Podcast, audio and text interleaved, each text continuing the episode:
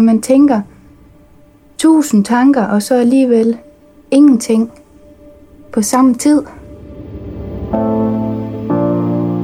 Vi var da godt klar over, at der var noget galt, men vi var da måske ikke lige forberedt på, at det var det, der var galt. Jamen er det arveligt, eller er det fordi, at vi har gjort noget forkert som forældre, eller er det, jamen, hvor, langt er det, hvor lang tid tager det, hvor meget kommer det til at påvirke Nicolines liv? Jeg tænkte bare, åh oh nej, det er et eller andet, der var mega ubehageligt.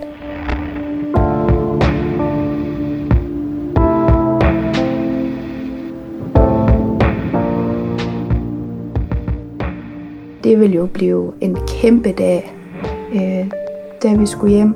Og det blev det også, da vi trådte ud op øh, af hovedindgangen. Ja, hænderne op over hovedet og tårer i øjnene, og det var bare... Øh, vi nåede det, og vi stod, nu bliver jeg også helt rødt, men vi stod også tre sammen i hovedindgangen og bare kiggede dybt ind i øjnene og sagde, at vi gjorde det. Det var vildt, ja.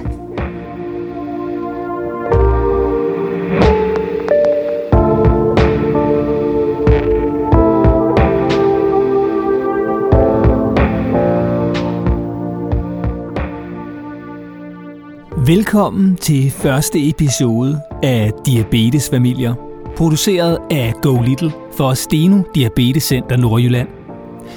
En podcast om, hvad der sker, når et barn i familien får konstateret type 1 diabetes, og hvordan man får hverdagen og livet til at fungere igen. Du kan høre podcasten alene som forældre til et barn med diabetes, men I kan også høre den sammen som familie. Podcasten kan også deles med for eksempel lærere, bedsteforældre og andre, der er tæt på barnet og har brug for mere viden om sygdommen. Der er nemlig masser af gode råd og viden fra en række eksperter. I får afkræftet myter om sygdommen, og så får I ikke mindst en masse erfaringer fra andre familier med børn med diabetes. Og denne første episode begynder den dag, hvor sygdommen for alvor bliver til virkelighed, og diagnosen rammer.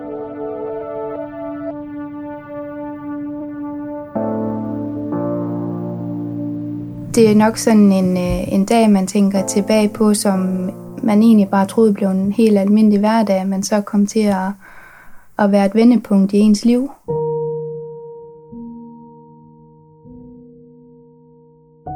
Jamen, jeg var på arbejde og blev ringet op om eftermiddagen, og så at de var på vej til sygehus til indlæggelse der. Så det hele, hele, hele hverdagen, den blev øh, lige pludselig endevendt. Det her er Thomas og Christina.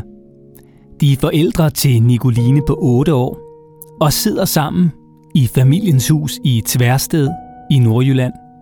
Mindre end en måned efter, at familiens liv tog en uventet drejning.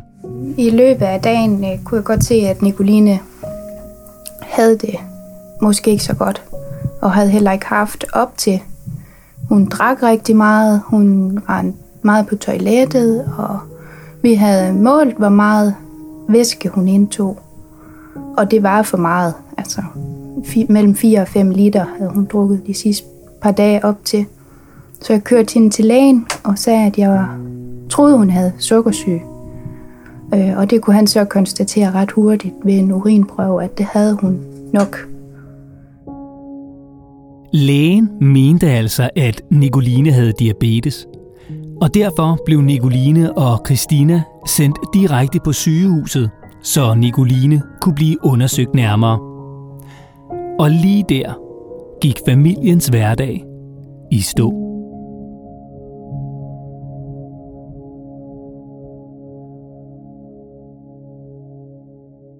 Du er ved at grave med gravemaskinen, og der sætter du nærmest bare armen og, og slukker og lukker og tænker, nå, hvad gør vi så?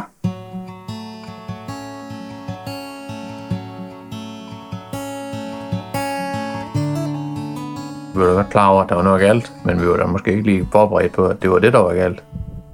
Så det var der stadigvæk lige mange tanker, der ryger igennem ens hoved der lige i løbet af få sekunder. Er hvad nu? Og hvad skal der nu ske? Og hvad skal vi fremadrettet? jeg ved faktisk ingenting, og samtidig var jeg også selv ked af det, så bare øh, tåren begyndte bare at trille ned ad kinderen, fordi jeg ville bare gerne kunne sige, at vi kommer hjem igen om lidt, eller vi kommer nok hjem i morgen, eller... Men jeg vidste heller ingenting, og det kunne også bare mærke på Thomas i den anden ende af telefonen, at hans verden gik også bare i stå. Min kalender er som regel altid fyldt op hver eneste dag. Der må nok om lige dengang jeg fik det at vide, der, der, der røg der her hele kalenderen. 14 derfra. Og jeg tog telefonen konsekvent, øh, da jeg kom hjem en time senere, og kontaktede alle dem, jeg havde lavet aftaler med, og sagde til dem, at øh, der går i hvert fald 14 dage, inden jeg er tilbage igen. Hvad er det dagen, den byder resten af dagen? Og hvad er det dagen i morgen, der byder? Det var ingen af os, der vidste nogen ting om. Det var en helt ny verden, at vi lige blev skulle ind i.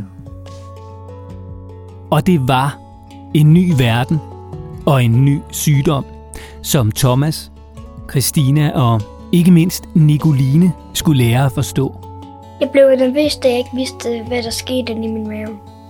Og jeg vidste ikke, hvad der skulle ske. Og jeg kunne bare, jeg tænkte bare, åh oh nej, det er et eller andet, der var mega ubehageligt. Spørgsmålene tårnede sig op, og det samme gjorde uvidsheden.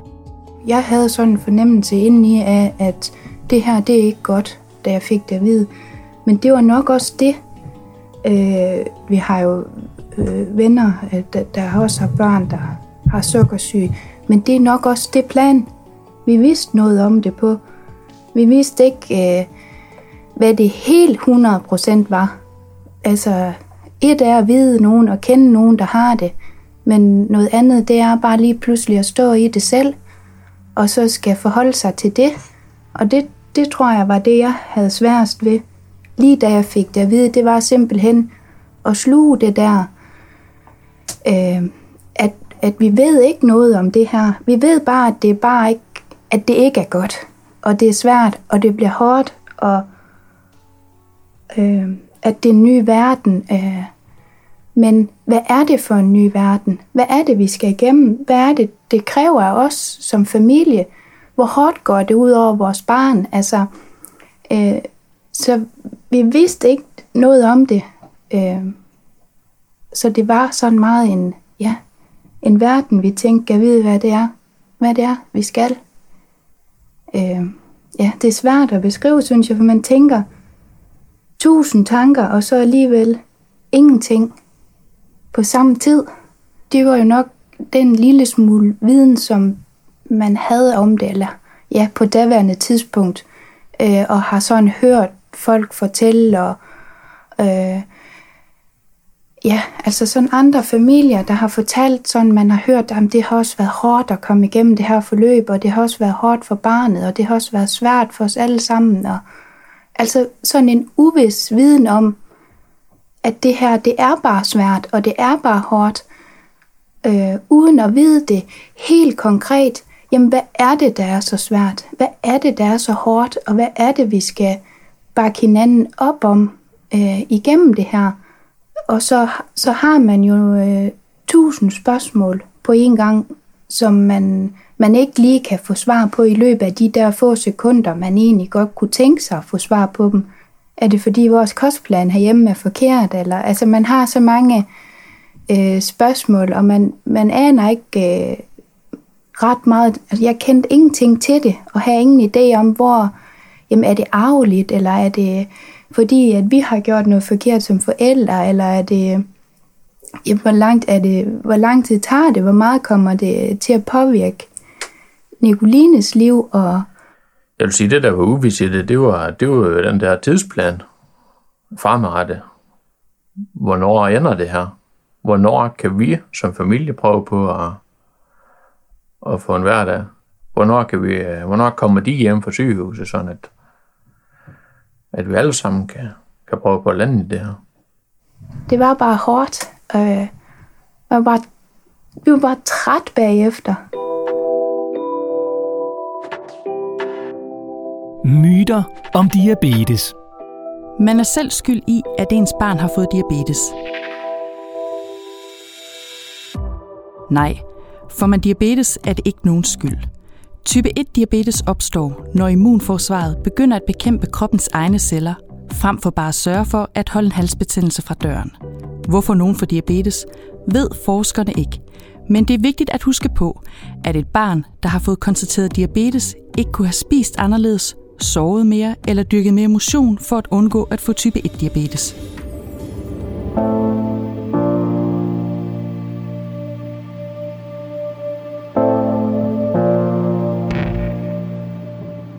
Og selvom Thomas og Christina egentlig bare ønskede, at det var dem, og ikke deres datter, der havde fået diabetes, så de kunne have klaret sygdommen for hende, ja, så var det jo Nicoline, der var syg. Hun blev meget, hun blev meget ked af det. Især op på sygehuset, da hun lige fik det at vide. Øh, og så alligevel umiddelbart, da hun fik det at vide, at, øh, at hun havde sukkersyge, der sagde hun bare, Nå okay. Øh, så mere bevidst var hun egentlig ikke om det, før at hun også begyndte at kunne mærke på, på dem, der var omkring hende, at det nok var mere end bare, nå okay. Da jeg øh, blev indlagt, troede jeg, skulle sove deroppe alene. Men det skulle jeg ikke, fordi mor hun var heldigvis med. Og så kan jeg huske, at øh, jeg fik øh, noget, nogle piller og øh, så kan jeg huske, at jeg fik øh, drop i hånden med først en slange, og så om natten to slanger, fordi det faldt for hurtigt, det der blodsukker egentlig. Og ligesom jo flere blodprøver, der blev taget, fornemmede hun jo også, at, at det her, det var nok mere alvorligt, end hun lige havde regnet med til start med. Og så begyndte spørgsmålene jo at komme med, hvad, jamen er det, skal jeg have det her resten af mit liv? Øh, og går det aldrig væk? Og er det fordi, jeg har spist for meget slik?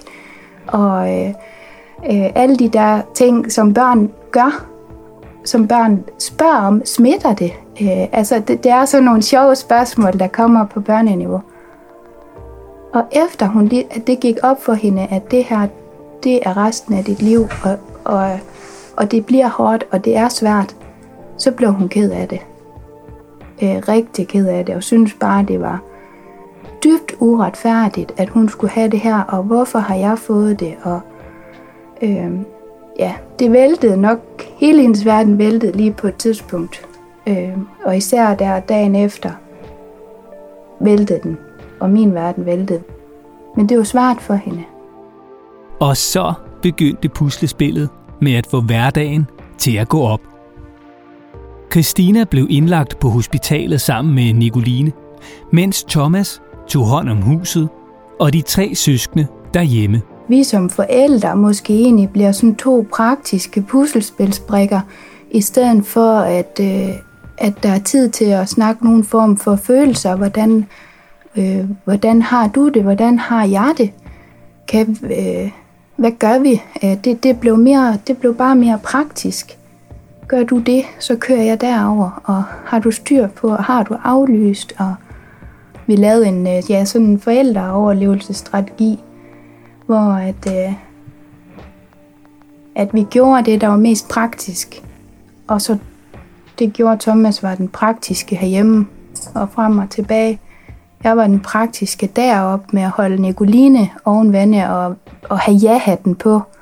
Og være den, der hele tiden gjorde noget godt for hende.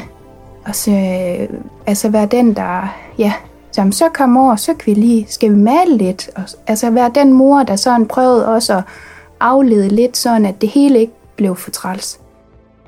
Og mens Thomas og Christina gjorde alt, hvad de kunne for at få det praktiske omkring familien til at gå op, og forsøgte at holde humøret højt hos Nicoline, var det faktisk Nicoline, der for alvor fik vendt stemningen og pustet tro, håb og optimisme ind i mor og far.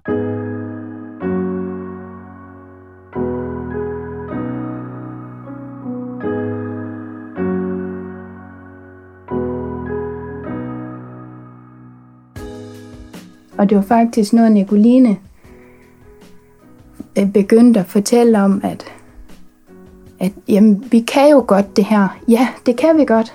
Nu skal vi også, nu skal vi heller ikke græde mere. Nu skal vi, nu tager vi os sammen øh, vi skal hjælpe hinanden, og vi kunne godt klare det. Og hvis der var noget, vi måske ikke synes, der var så sjovt, så måtte man jo bare hjælpe hinanden med det. Den aftale over for hinanden, den har vi holdt.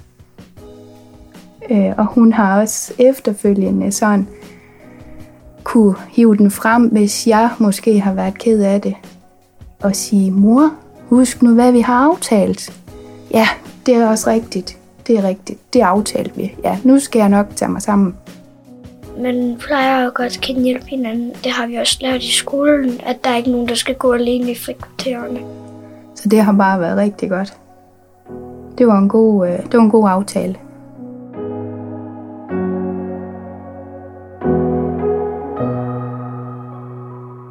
Og med den gode aftale om at holde sammen, kæmpe og holde humøret højt, vendte optimismen langsomt tilbage. Og de næste dage var pludselig mere overkommelige. De så noget mere overskuelige ud. Øh, men også øh, fordi, at der var kommet den her ro på fra, øh, fra sygehusets observationer og målinger, og, og der var kommet en tidsplan på, hvad er det, vi forventer hvad er det, I skal regne med, og hvad, altså, man fik bare svar på rigtig mange spørgsmål efter de her to døgn, som gav en ro ind i, øh, sådan man havde overskud til at begynde at, at koncentrere sig om, øh, ja, eller bare fokusere på andet, end at bare overleve i det her. Øh, og kunne fortælle nogen herhjemme, jamen, vi har faktisk fået lov at komme hjem på besøg og, og være der i nogle timer. Og, altså sådan nogle ting, øh, så de også kunne se, hvad det her hvad det var for noget. Øh, så, så der faldt ro på mere, end der havde været. Fordi det var ligesom et milepæl, hvor man synes, at nu begynder det at gå fremad.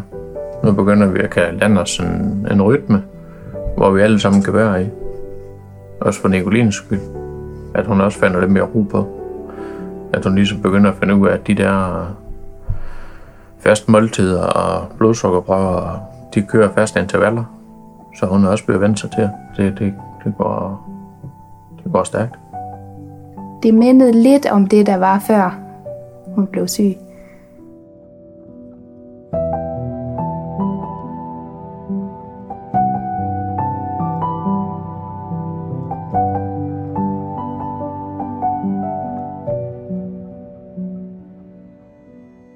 Og så begyndte Thomas, Christina og Nicoline at se frem mod højdepunktet. Det store mål. Dagen, hvor Nicoline endelig skulle udskrives. Vi fik sat os et mål, og det var, at vi skulle øh, koncentrere os om at blive så, så dygtige som muligt til at kunne begå os derhjemme. Og derhjemme, det var jo, det var jo den dag, vi, vi skulle udskrives. Øh, og det havde vi jo så også på daværende tidspunkt fået en dato på, så vi havde jo noget virkelig at stræbe efter, at, at der skal vi bare være gode, så vi kan komme hjem, og vi kan komme til at få vores hverdag til at fungere på allerbedste måde.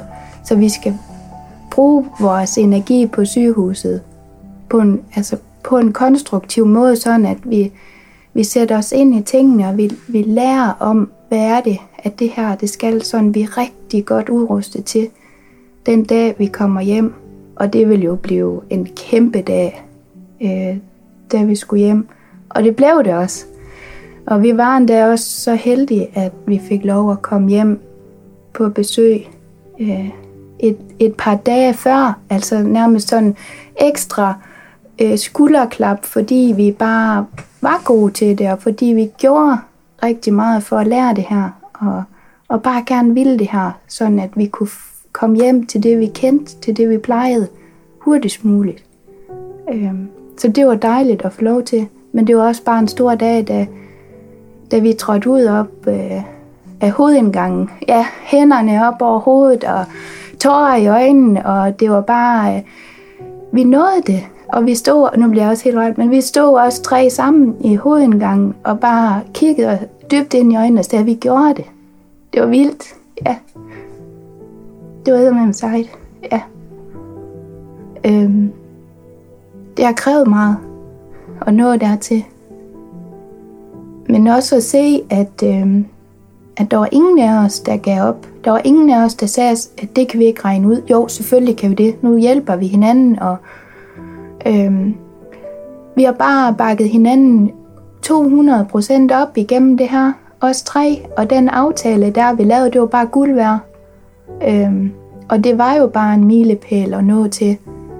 Så det var bare ligesom at nærmest vinde i lotto og få lov til at gå ud af den der hovedindgang med, og velvidende, at selvfølgelig kan I tage hjem, og selvfølgelig kan I finde ud af det her. Vi er helt trygge ved at sende jer hjem, og I skal endelig bare ringe. Altså alle de der ting, vi fik at vide, inden vi gik, at I har gjort det godt, og I, vi kan godt mærke, at I virkelig vil det her, have det til at fungere. Så det var bare fedt. Det var virkelig en fed fornemmelse at stå der og så række hænderne op i luften og så sige, vi gjorde det. Ja, det var vildt.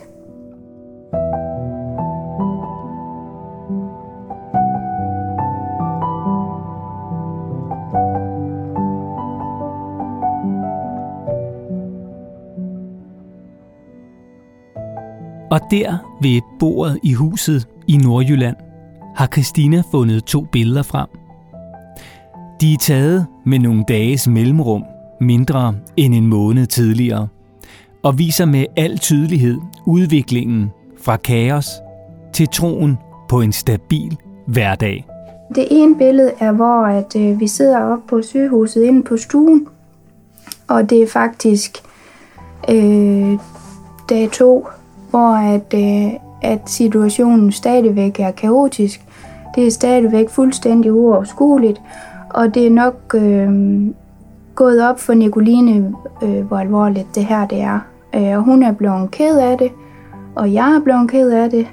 Og da vi ligesom lige er, har fået lov til at være ked af det, bliver vi enige om at lave den her aftale med, at, øh, at vi kan godt det her.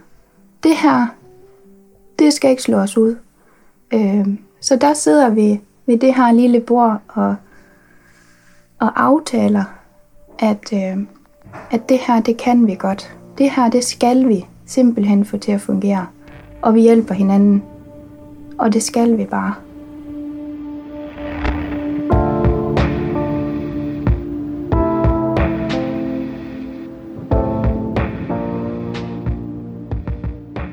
Det næste billede er jo taget lige uden for hovedindgangen, som jo var det, den milepæl, vi satte sammen. Så vi selvfølgelig skulle vi have et billede, når vi kom ud der, for det var jo vores milepæl, vi var nået dertil. Øh, og det kan jo også øh, tydeligt ses, at det er en noget anden stemning, der er i, i øjnene af Nicoline og Thomas, og selvfølgelig også mig selv. Ja, Nicoline har armen langt op over hovedet, og Thomas ligner jo en, der er det mest lykkelige menneske i hele verden. Og så kørte vi hjem Øh, fordi at, øh, at jeg er glad for, at kan komme helt hjem egentlig til Julie og Joachim. Og Boto, han var der jo også. Han var jo også derhjemme. Og, øh, og Miss, han lå i min seng.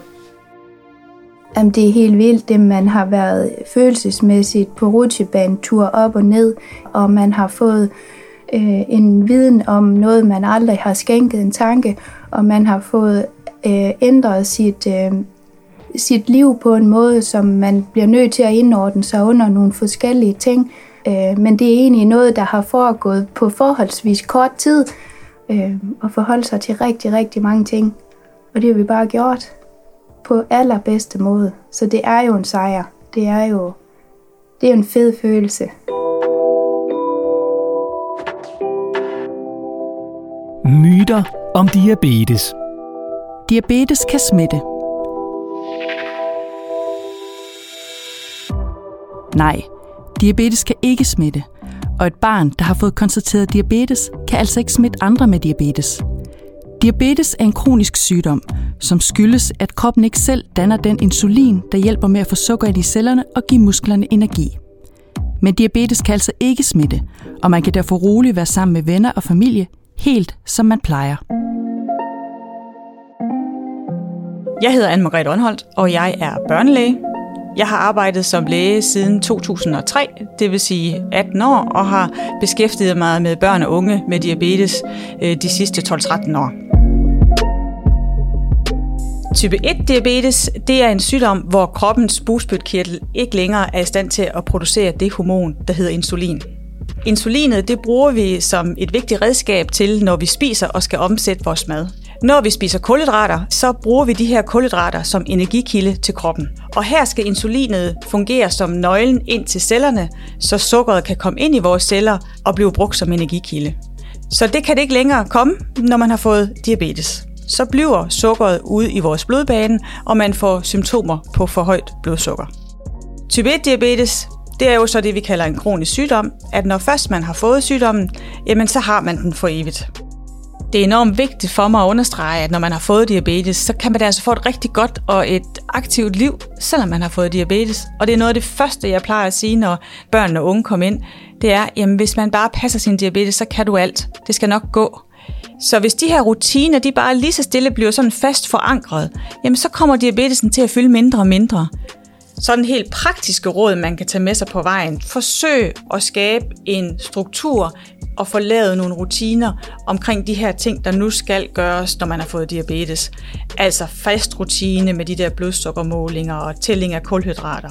Et andet godt råd er et svært råd, men det er det der med, at man som forældre skal prøve på at skabe en god balance mellem at hjælpe og støtte sit barn, uden at være for kontrollerende. Det sidste råd, tag nu imod den hjælp, I kan få. Jeg ved, det kan være belastende med hjælp, fordi der er altid nogen, der er lidt bedre viden, eller har en anden erfaring, eller blander det sammen med type 2-diabetes, sådan at man kan synes, det kan være vældig irriterende. Men det er i starten hårdt arbejde, så tag imod den hjælp, I kan få. Det er sådan helt tre konkrete råd, man kan tage med sig.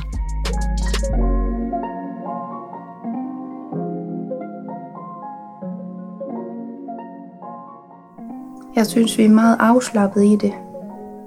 Øhm, fået lov at lande herhjemme i det, som vi håbede på, da vi trådte ud derop for, ja, det er så to uger siden nu.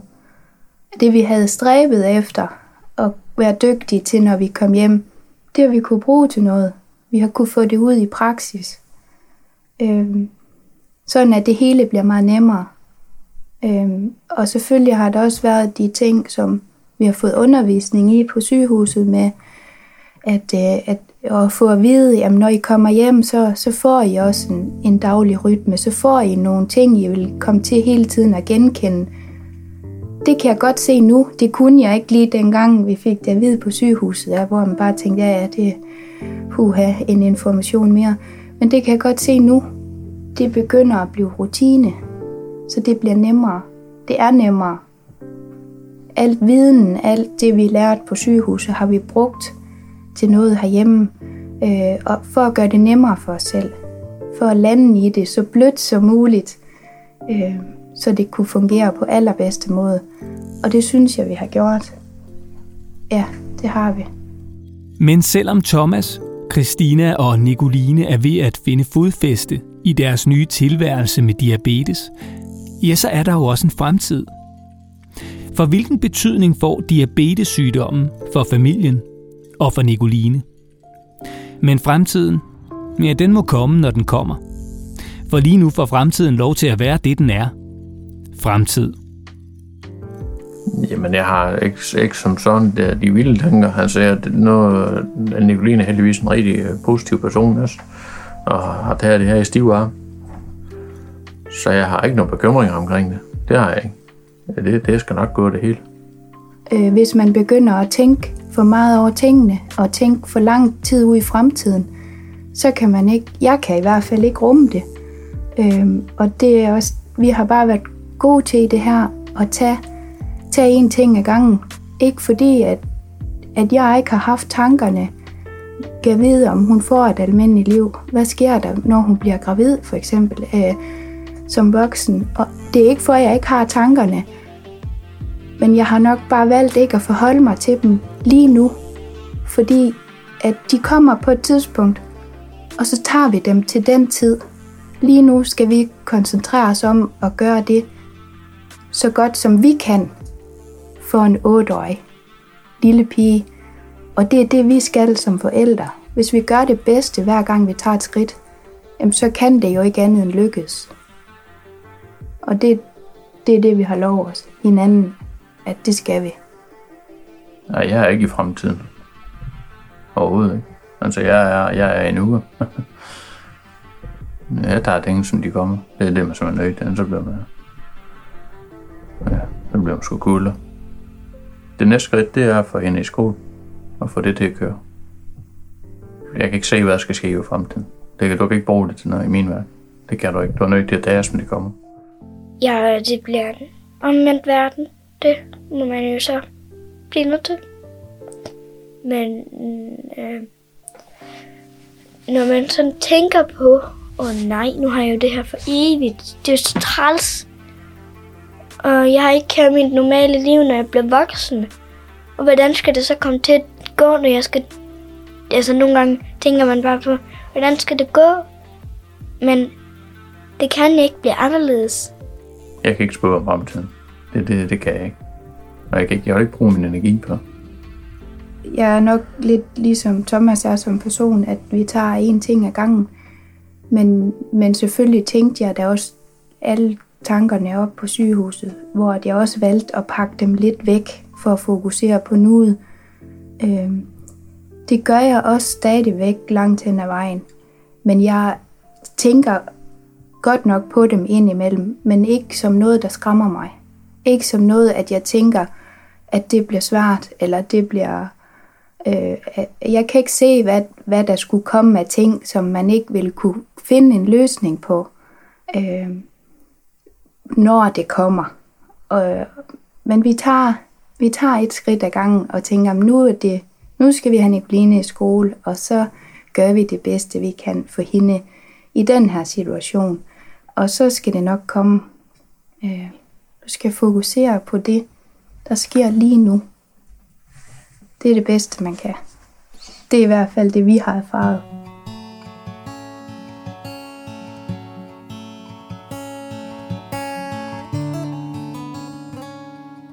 Og Thomas, Christina og Nicoline har erfaret og lært mere i de sidste uger end nogensinde tidligere. Og derfor har Thomas og Christina også en håndfuld gode råd til andre familier, der står i samme situation, som de gjorde. Vær åben og positiv, og så har jeg hatten på. Det er, jamen, det er det eneste der. Det hjælper ikke noget at synes det hele er elendigt og træls. Det bliver det kun værre. Der er ikke andet for end at tage, tage opgaven seriøst, og så komme over på den anden side. Prøv at pakke nogle af alle de der spørgsmål til side. Du skal nok få svar på dem på et tidspunkt, når de kan svare. Øh, og lad være med at bekymre dig for meget om fremtiden. For der er nogen, der hjælper igennem hele det her. Du bliver ikke kastet ud i noget, du ikke er sikker på. Du bliver ikke øh, bedt om at lave en opgave, du ikke er sat ind i. Du kan være helt tryg. Altså, der er hånd om det. Øh, og så, ja, lad være med at tage større bid af kagen, end du kan rumme. Tag en dag ad gangen, eller måske nogle gange en time ad gangen. Hvis det er det, man kan overskue, så er det det, man gør.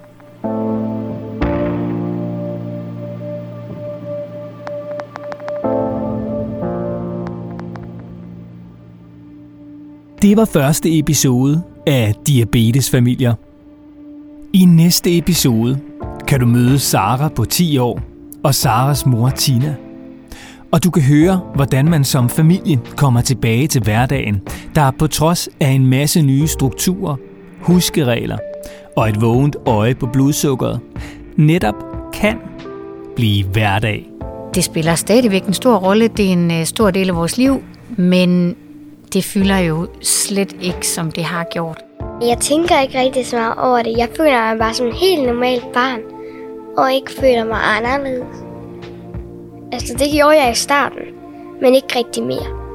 Vi har jo rigtig mange tidspunkter faktisk efterhånden, hvor at vi faktisk nok helt glemmer, at hun har diabetes. Det kan endda lyde måske sådan lidt halvfint, men det er faktisk virkeligheden. Altså, der er tidspunkter, hvor vi simpelthen øh, over, vi slet, har det slet ikke i tankerne. Og det er simpelthen så befriende. Og det kan næsten lyde helt... Øh, men det, altså, det er virkelig lækkert at være kommet hertil, fordi Det har fyldt så meget, og det er stadigvæk en kæmpe del af vores liv.